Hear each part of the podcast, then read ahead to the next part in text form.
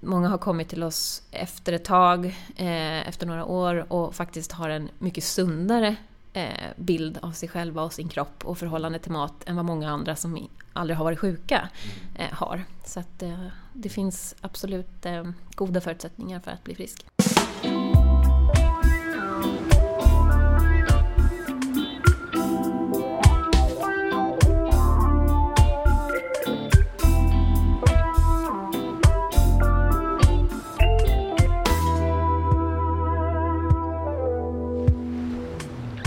Varmt välkomna till podden Vårdfrågan, en podd från Praktikertjänst om hur vi kan ge bättre vård till fler. Jag sitter här idag med Erika Nyman Karlsson som är kvalitetschef på Praktikertjänst Psykiatri. Men hon är också författare och forskare och småbarnsförälder. Varmt välkommen Erika! Tack så mycket! Och vi är här idag för att eh, vi ska prata lite om eh, ätstörningar och anorexi och annat. Eh, ett eh, svårt ämne kan jag tycka, som jag har ganska lite erfarenhet av. Eh, du har ju nyligen kommit ut med en bok som jag har kikat lite i och jag har också läst en del av en eh, nyligen publicerad forskningsartikel som du har varit med och författat. Men du, vi börjar. Ätstörningar. Eh, vad, vad har du för relation eller erfarenhet av det? Ja, förutom att jag har jobbat med det nu då i nästan 15 år så har jag väl ingen jätteerfarenhet sen tidigare av det. Eh, jag har själv aldrig behandlats eh, för det. Och jag har heller inte haft någon nära anhörig som har varit svårt sjuk, men det har ju funnits i omgivningen. Och sen så klassar jag in på några av de här riskfaktorerna som vi kanske kommer in på. Jag är mm. kvinna och jag lever i det västerländska samhället och jag har drabbats ganska mycket av kroppshets och ideal mm. och sånt där. Och jag ska ju inte sticka under stolen med eh, att jag under perioder i tonåren kanske inte har varit nöjd med min kropp eller velat gå ner i vikt. Och jag vet hur det är att vara tonåring och, och kämpa liksom med de här idealen som finns. Så det är klart att den erfarenheten har jag av det och det har ju påverkat mig också mm. i, i omgångar. Men tack och lov så har jag inte blivit svårt sjuk hittills i alla fall. Och nu ja. är jag väl så gott som vaccinerad när jag har jobbat med det så länge, kan man väl säga. För just ätstörningar, är det huvudsakligen ett tonårsproblem för kvinnor? Eller tons, för att kalla det problem då. Men är det någonting som drabbar kvinnor i tonåren huvudsakligen? Eller? Ja, alltså det, det, det kan man väl säga. Det är både ja och nej. Ätstörningar drabbar ju alla, oavsett mm. ålder, kön, eh, kultur och sådär. Men Eh, ofta så debuterar det i tonåren mm. eh, hos kvinnor. Och det är framförallt kvinnor som drabbas. Det är fortfarande så att man brukar prata om ungefär 90-10 brukar man säga. Aha, 90% kvinnor och 10% män. Men det finns något stort mörkertal när det gäller männen. Och det kommer nog att, att bli fler som eh, vågar kanske erkänna att de har problemen, vågar söka hjälp. Och sen så förändras ju lite, alltså den kliniska bilden av ätstörningen förändras ju med tiden. Mm. Eh, även för män nu. Eh, med kroppsideal och, och, hur kropparna ska se ut och så. så mm. att, eh, men, men eh, det är oftast eh, flickor i tonåren mm. som, som drabbas. Mm. Mm. För hur, hur yttras, alltså hur märker man att en person har ätstörningar? Både om du är den individen eller om du är en anhörig. Hur, liksom, hur syns det? Eller man ska säga? Hur märker man det? Mm. Vi brukar ju säga att de på de allra flesta så syns det inte att man har en ätstörning. Eh, det finns ju en missuppfattning av att eh, har man en ätstörning så är man svårt avmagrad och, och lider av anorexi. Det är nog det som de flesta tänker på. Mm. Och så är det ju. Har man en svår anorexi så är man oftast väldigt, väldigt underviktig och då syns det ju eh, på det viset. Mm. Men annars så syns det oftast inte. Man är normalviktig eller kanske till och med överviktig. Mm. Men det, det, märks mer kanske kring personligheten. Mm. Så att om ens vän, anhörig, ett, ett, barn eller en förälder börjar dra sig undan, kanske börjar förändra sina kostvanor. Alltså man ser att de gör drastiska förändringar i vardagen som de inte har, har gjort tidigare. Att man blir lite mer nedstämd, man kanske ser trött ut. Mm. Eh, ja, då, då, kan man börja fundera över om det är någonting som inte riktigt står rätt till. Mm. Det är väl lite samma sak som om man blir man blir deprimerad. Mm. Eh, kan jag tänka, då märker man ju det på, på individerna att de, de drar sig undan och kanske inte är lika glada längre. De gör inte saker längre som de tidigare tyckte var roliga. Och så. Men, men det kan ta väldigt lång tid innan det här märks tydligt. Och det är det som är så kruxigt för att eh, ju tidigare man, man kommer till behandling eller får hjälp desto bättre är ju prognosen, mm. alltså desto snabbare kan man bli frisk. Det är svårare ju längre tid man har varit sjuk men mm. alla kan ju bli friska oavsett hur länge man, man har varit sjuk. Men eftersom det tar så lång tid innan man kanske upptäcker det så har det hunnit ja, befästa sig mm. ganska starkt. Det låter ju som eh, att det, låter, det du beskriver låter ju lite likt som du säger då depression. Är det ofta att man har en samsjuklighet med en ätstörning och depression? Är det någonting som du ser? Mm, men depression och ätstörningar de, de hänger ihop. Det är en, en, finns en, ett starkt samband där på samsjukligheten. Men sen vet man inte riktigt vad, vad som är hönan eller ägget. Nej, eh, oftast, alltså, ätstörningar drabbar ju både psykiskt, fysiskt och socialt. Eh, till skillnad kanske från andra psykiska sjukdomar som kanske inte märks fysiskt på samma sätt. Eh, och just den fysiska, de fysiska komplikationerna ger ju eh, samma symptom som vid depression, att man, man blir trött och, och nedstämd och, och så. Så det, det, liksom, det blir ju en ond cirkel som det drar i varandra. Så att ibland behöver man även äta till exempel antidepressiv medicin för att få hjälp att liksom komma ur den djupaste eh, svackan. Mm. Eh, men oftast brukar symptomen ge med sig, depressionssymptomen ge med sig när man jobbar i behandling bara via mm, liksom beteendeterapi eller den mm. terapiform som man får. Mm. För med ätstörningar där, eh, det finns väl flera olika, eller hur? Vad, vad finns det för olika typer, bara rent sådär översiktligt? Ja, man kan väl prata lite om tre eller fyra grupper är det väl numera i DSM Eh, den nya DSM-manualen. Det ena är ju anorexi mm. som är en egen diagnos och det är den som har funnits längst. Eh, eller som har varit definierad längst. Mm. Eh, och den karaktäriseras ju av självsvält och att man har en skev kroppsuppfattning. Man uppfattar sig själv som mycket större än vad man egentligen är. Man har en kraftig fobi för att gå upp i vikt fast man är så underviktig. Och sen har vi då bulimi som är den andra gruppen Eh, där är, handlar det framförallt om hetsätning. Att mm. man äter stora mängder mat under en kort tid. Eh, man äter eh, ja, oftast ensam, kanske för att man skäms för hur man äter. Men annars så kanske man fungerar ganska normalt i vardagen så. Men det efterföljs också utav kanske självframkallande kräkningar mm. eller överdriven träning eller eh, laxermedel eller annat så. Så mm. det är framförallt hetsättning och, och kompensatoriska beteenden som vi pratar om. Och sen har vi hetsättningsstörning som är en egen diagnos också idag. Då det liknar bulimi fast man eh, kompenserar inte för det man äter. Så har man en hetsättningsstörning så brukar man ofta eh, öka i vikt så att man blir överviktig. Mm. Eh, för att man äter så stora mängder mat då, under en lång tid. Eh, och sen har vi den övriga gruppen. Eh, nu säger jag övriga, tidigare hette det ätstörning UNS utan närmare mm. specifikation. Och det är liksom en, en, grupp, en samlingsgrupp av de som inte riktigt eh, uppfyller diagnoskriterierna för de andra diagnoserna. Eh, men med det sagt så har, har, man inte ett mindre lidande för att man Nej. har eh, den här eh, övriga diagnosen utan man har precis lika stort lidande som de andra. Men, men ja, det är något kriterie som man inte uppfyller kanske, anorexi. Man kanske inte är, eh, hetsäter lika ofta som man ska göra för att få en, en bulimidiagnos till exempel. Det kan mm. se lite olika ut. Men, och i den kategorin så finns det flera underkategorier.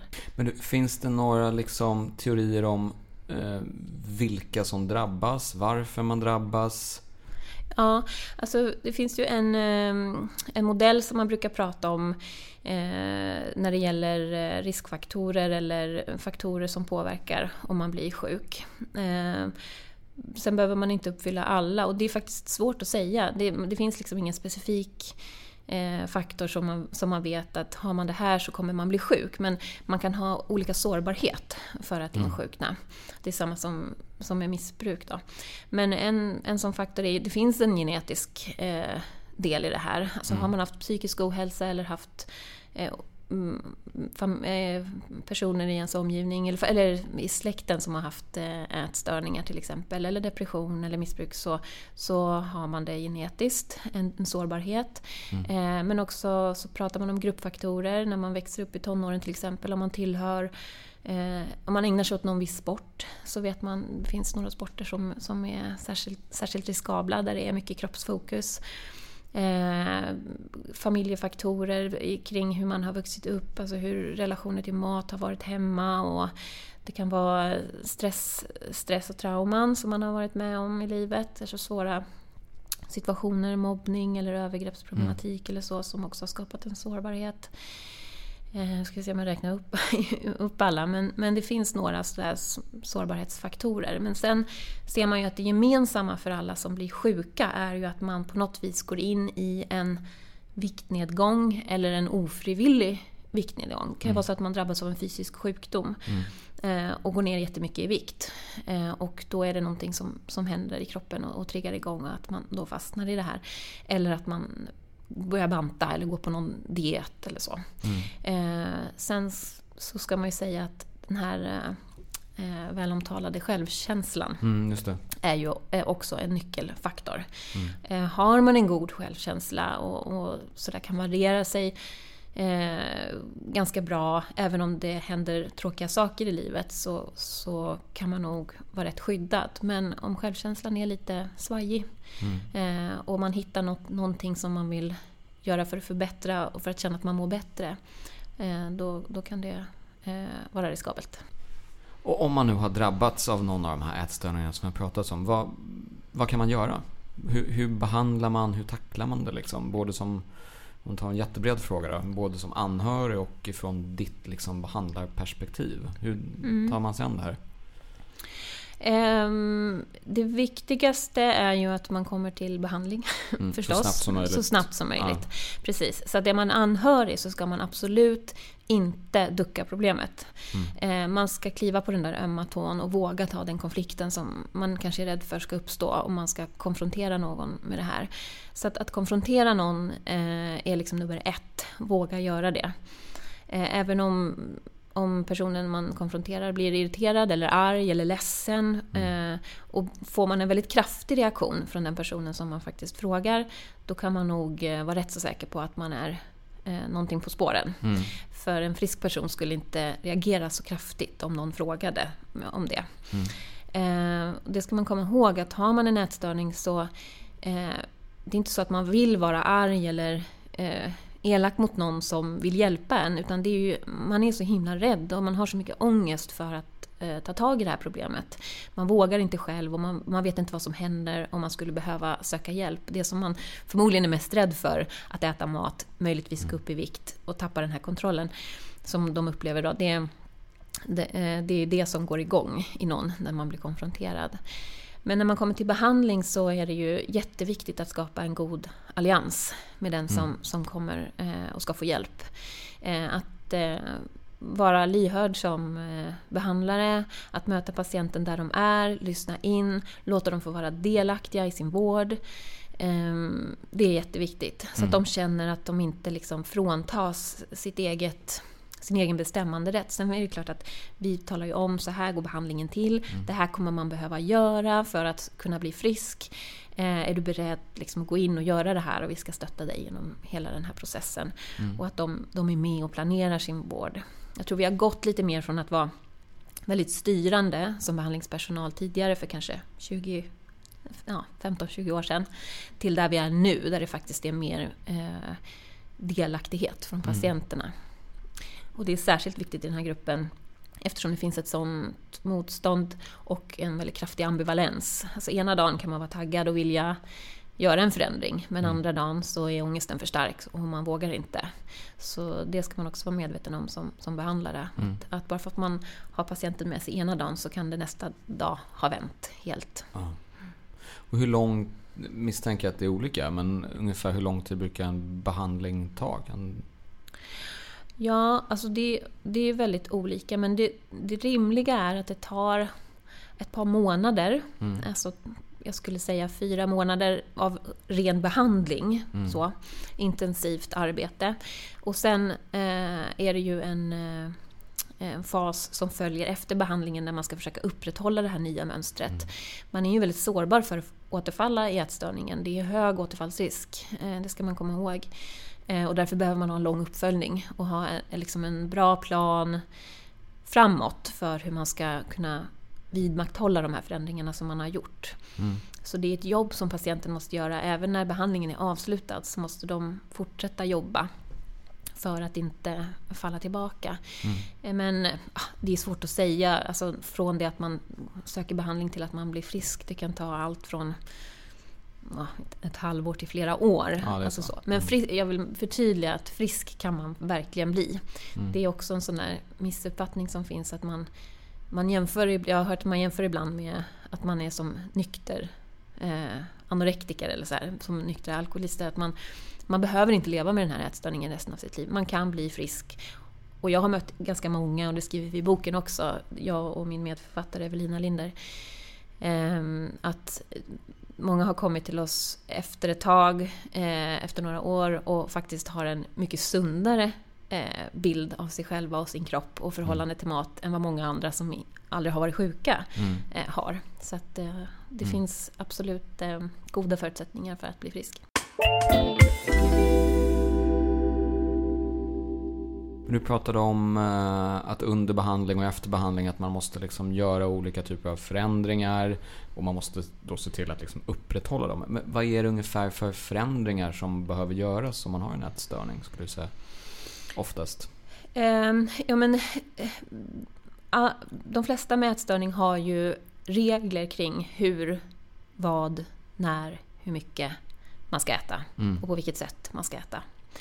Eh, och det är ju det man jobbar med ganska mycket. Att, att rubba de här eh, förbuden och eh, livsmedel som man kanske inte har ätit på flera år eller sådär. Eller strukturer eh, i hur man äter. Så att my, mycket sånt eh, jobbar man aktivt med under behandlingen. Men även då eh, hur man förhåller sig till sin kropp. Eh, att lära sig acceptera sin kropp eh, och förändra reglerna kring hur kroppen ska se ut. Ehm, de, många har ju väldigt skeva uppfattningar om hur kroppen ska vara. Eh, och idag är det ju en extrem hets kring eh, hur man ska se ut. Och att man ska ha väldefinierade muskler och magrutor. Och, eh, och, och, som kvinna så är det liksom inte det normaltillståndet. En Mm. normal kvinnokropp ser inte ut som de här deffade Eh, nu kanske många blir arga på mig, fitnesstjejerna på Instagram. Eh, och, och det blir lite beklagligt att det liksom flödar av de här. Eh, för de ser ut så ibland, kanske om de ska göra någon tävling eller under en viss säsong, men man kan inte leva så resten av sitt liv. Eh, och, eller det kan man nog, men det kräver en väldig uppoffring och en väldig eh, arbetskraft för Mm. att eh, upprätthålla det här. Och det ser man kanske inte när man är 16 år eh, och, och ja, googlar runt. Mm.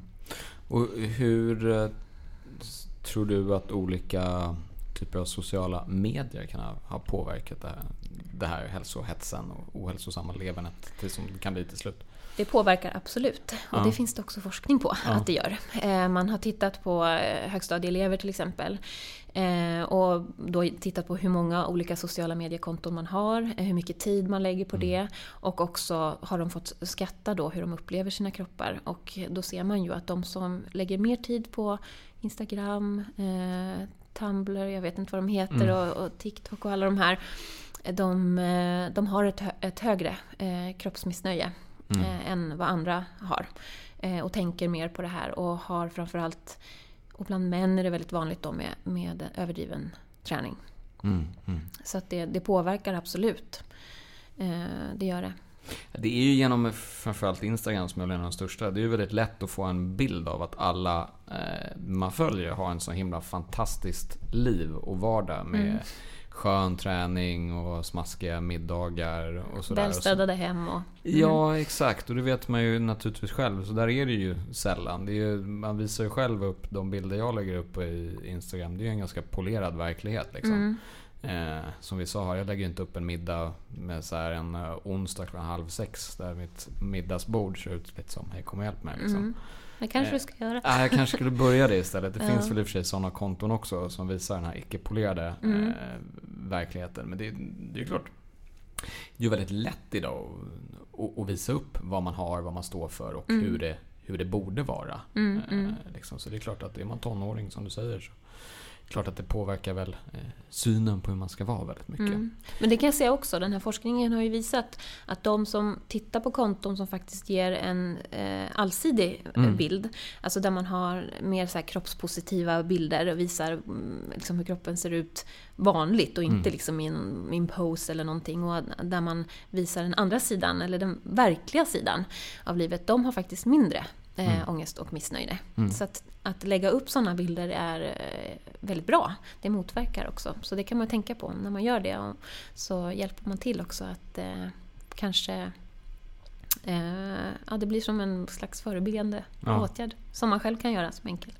Men du, Eh, vi var lite du var inne på förut att det finns ju en del man kan göra när man, eh, framförallt noterade jag då som förälder om man har barn och man ska kanske tänka på hur man äter, vad man äter. Och allt. Mm. Har du några liksom mer konkreta tips där för liksom, om man är tonårsförälder? Hur ska man liksom tänka kring mat och träning och allt sånt som om man är en förebild liksom för sitt barn? Mm. Ja, men det finns en hel del man kan, man kan tänka på. Ja. Det första är ju absolut att man inte pratar negativt om sig själv, om sin kropp om, och om andras kroppar. Ja. Och att man kanske faktiskt inte kommenterar kroppar överhuvudtaget. Nej. Det är oviktigt hur man mm. ser ut eller eh, vem som ser bra ut i, i, vad. Utan faktiskt prata kanske mer om egenskaper. Mm. Saker man har gjort bra, eh, sånt som man tycker om hos andra personer. Eh, så att man visar sina barn att det är den man är och de egenskaper man har eh, som gör en till den, till den man är och den man faktiskt tycker om och att det är oväsentligt hur man ser ut. Mm. Eh, det andra är ju också, det finns forskning som visar på att eh, gemensamma måltider är förebyggande. Mm. För att mm. utveckla psykisk ohälsa överhuvudtaget men, men också ätstörningar. Eh, att man har eh, gemensamma liksom, punkter hemma, eller tid, tidpunkter hemma. Där man sitter ner, där man pratar om dagen som har varit. Eh, att man möter varandra. Eh, mm. det är ju, idag är det liksom, folk är begravda i sina datorer och, och, telefoner och man jobbar dygnet runt. Men att hemmet får vara liksom en fredad zon ifrån mm. omvärlden på något vis. Där man faktiskt möts. För man träffas så himla lite ändå. Barnen är på skolan och på aktiviteter och på helgerna så är det matcher eller mm. tävlingar eller annat. Så att det är en jätteviktig eh, sak man kan faktiskt, en enkel och viktig sak som man kan göra. Ehm, du har ju förkovrat dig ganska mycket i det här, som vi nämnde inledningsvis. Du har ju skrivit en bok som gavs ut för i, i december mm. eh, förra året som handlar om just hälsohets och, och ätstörningar. Mm. Och sen i december, eller om det var november, fick du också en forskningsartikel om anorexibehandling publicerad. Mm. Jätteintressanta ämnen det där tycker jag. Eh, som vi delvis har pratat en del om. Men jag tänkte det här med hälsohets är ju jätteintressant. Eh, mm. Hur mycket märker du det i de möten du har haft med patienter? Ja, alltså jag har märkt det mer och mer med tiden mm. kan man säga. När jag började jobba med det här 2006 kanske det var. Mm. Eh, så var det inte riktigt lika mycket fokus på det här som det blev efter en, ja, fem år kanske. Mm. Eh, då tog det ju över med alla dessa olika dieter och framförallt det här kring eh, träning som mm. blev mer och mer vanligt. Eh, och det har ju verkligen exploderat eh, under min yrkesverksamma tid. Mm. Eh, och det är ju också där, därför vi har skrivit den här boken. Eh, därför att vi tycker att det, just den delen saknades i eh, de ja, självhjälpsböcker som har funnits, eller som har skrivits tidigare och även i behandling. Att man mm. kanske inte har fokuserat så mycket på det. Så vi har skrivit till en egen liten modul om det mm. i den här boken. Men jag har väl märkt det på... Alltså alla, man kan säga alla patienter som har kommit har ju haft eh, någon form av eh, upptagenhet kring det här med ätandet och att det ska vara vad som är nyttigt och onyttigt eller så. Men sen så har ju det här hälsosamma smugit sig in mer och mer. Mm. Eh, om att man kanske ska undvika ja, kolhydrater och sen ska man undvika fett och sen ska mm. man undvika eh, ja, socker. socker och en massa olika Ja. saker. Och för någon, någon med nätstörning eh, så blir ju det här någon slags innehållslista som bara byggs på med allt möjligt. Och till slut finns det inte så mycket kvar som faktiskt är okej. Eh, och då blir man ju ganska begränsad. Mm. Men sen kan ju även, alltså många som har ätstörningar idag, eller kanske lever på gränsen till att ha en ätstörning, för det är också de vi riktar oss till i den här boken. Eh, För det är ju jättemånga som inte kommer till behandling, men som faktiskt lider väldigt mycket utav det här. Eh, Och kanske i det tysta eller i det dolda. Och utåt sett verkar må jättebra. Man kanske ser jätte eh, hälsosam ut och man äter nyttigt och man tränar regelbundet och sådär. Men, men någonstans lever man i någon slags eh, inrutad vardag där man inte kan vara flexibel med att gå ut och äta med kompisar eller eh, följa med på någon resa därför att då kan man inte hålla sig till sin träningsrutin eller sådär. Så det begränsar ju vardagen och det är väl, det, det är väl där någonstans vi tycker att gräns, alltså gräns, man bör överskrida gränsen från det hälsosamma till det ohälsosamma. Där, där man har begränsat sig så pass mycket att man inte längre kan njuta av saker i livet som man tidigare har gjort och som man faktiskt skulle kunna eh, må bra av. Eh, Men du, hur fick ni idén till den här boken? För Som du nämnde tidigare, du har skrivit den tillsammans med eh, Evelina Linder här. Vad, vad är bakgrunden till boken? Ja, eh, Evelina och jag har jobbat ihop eh, jättelänge med ätstörningar. Vi jobbade på samma eh, klinik. Eh, eh, Evelina är ju socionom och legitimerad psykoterapeut och driver egen mottagning idag. Mm. Eh, vi eh, var med och implementerade eh, ett behandlingsprogram på den här mottagningen som vi jobbade och introducerade det här behandlingsprogrammet i, i Sverige faktiskt. Eh, som är en eh, KBT eh, en KBT-terapi anpassad, särskilt anpassad för ätstörningar. Eh, vi jobbade väldigt intensivt med det här och eh, den manualen som vi hade att tillgå den var på engelska. Eh, och ganska liksom lång eh, och innehållsrik. Eh, och vi började översätta delar av den för att hjälpa vår personal och, våra kollegor att jobba med det här i behandling och faktiskt översätta övningar till patienterna så att de kunde använda det. Till slut hade vi översatt hela den här boken Okej. och kände att nej men nu, det här borde vi ju kanske ja, fråga om någon vill trycka, för nu har vi översatt allting. Men det var inte så intressant för Nej. förlagen, så vi provade faktiskt den banan först. Eh, tills vi efter ett antal vändor eh, kom överens med Natur och kultur att vi skulle skriva en självhjälpsbok istället. Eh, där vi också kunde inkludera även de som inte har en diagnos. Mm. Eh, och eh, det betyder att den kan ju nå fler Mm. och vi kan fånga in fler. Och sen fanns det vissa saker som vi ville göra om också och lägga till. Så vi har ju i den här, eh, vi har baserat boken på det här behandlingsprogrammet Mm. men vi har också byggt om och eh, gjort våra egna som, eh, bilder av hur vi ser på ätstörningar och hur man ska jobba då eh, med de här olika delarna. Du doktorerar ju också under, Mm. eh, samtidigt som du skriver böcker och är gravid och är småbarnsförälder och, och allt sånt. Eh, jag försöker själv att fokusera på en sak, men det... ja, det är klokt kan jag säga. Men, men du, du kan väl bara nämna lite om den här forskningen som du också är involverad i och din doktorandtjänst som jag för mig i Örebro va? Mm, precis, jag är doktorand vid Örebro och kommer att disputera här nu det här året i bästa fall. Eh, jag eh, jobbar med data från ett projekt som har pågått i Göteborg. Eh, Mm. Projektledare för det är Lauri Nevonen som är VD för Praktikertjänst psykiatri som är min chef också då och Mm. min handledare. Eh, vi lärde känna varandra eh, på den förra kliniken där jag jobbade och då involverade han mig i det här projektet.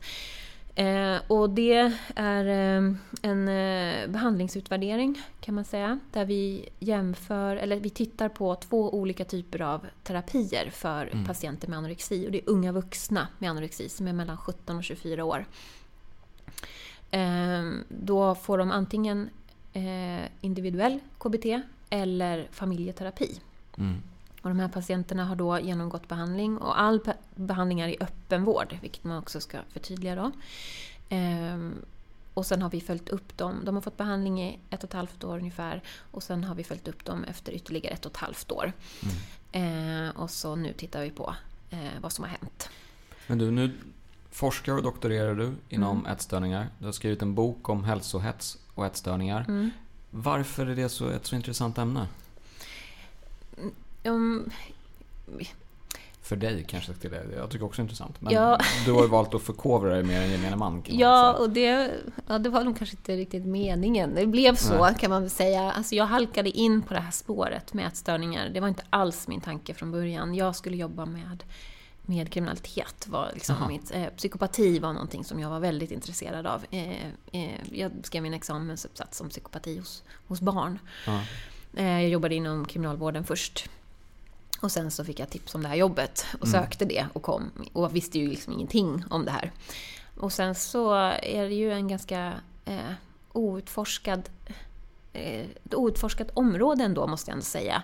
Alltså det, fanns, det finns mycket att göra, det finns det inom andra områden också. Men det, det, liksom, det fanns en plats för mig här som jag kände att här kan jag, den här platsen kan jag fylla och jag kan göra någonting värdefullt. Och det kändes väldigt värdefullt att jobba med det här. Först att jobba kliniskt med patienter, möta patienter, behandla dem. Det var ju oerhört givande. Eh, Det är det bästa jobbet jag har haft. Eh, Så jag älskade att gå till jobbet. Eh, Men sen inser jag också att det finns brister i, de här, i behandling. Det finns så mycket mer vi kan ta reda på. Mm. Och då blev forskningen ett sätt för mig att på något vis göra en skillnad. Mm. Förutom att hjälpa någon här och nu, så skulle jag faktiskt också kunna göra en skillnad liksom framåt. Mm, lite långsiktigt Mm. liksom. Ja. Så, ja, och nu slutade det i den här boken, vilket ju är fantastiskt roligt. Och, ja, känner mig jättestolt över det här förstås. Och det känns väldigt bra att vi har fått ge ut den här. Jag hoppas att det, den kommer till nytta för många. Men du, jag tänkte vi ska runda av här. Men jag tänkte vårt samtal här har ju kretsat ganska mycket kring eh, liksom skapa förändring i vardagen, bryta cirklar och sådär som ju hälsohets och ätstörningar och sånt eh, i, i mångt och mycket liksom eh, handlar om för att man ska bli, bli frisk och liksom eh, och så. Men jag tänkte du, om du bara ska ge några tips på liksom vad, vad ska man som person tänka på om man liksom vill förändra vardagen för att liksom bli kvitt det här eller ja. Mm. Eh, det först, ja, gud, och det är så svårt att ge, ge tre bra tips. Det är ju eh, svårt att, ehm, att hitta... Eh, för det, det är så olika för alla, Mm. men det, det, jag ska tänk, det jag vill att man ska tänka på är att vara ärlig mot dig själv, se, se problemen, eh, gör en plan eh, och ta stöd. Mm. Annars faktiskt sök behandling.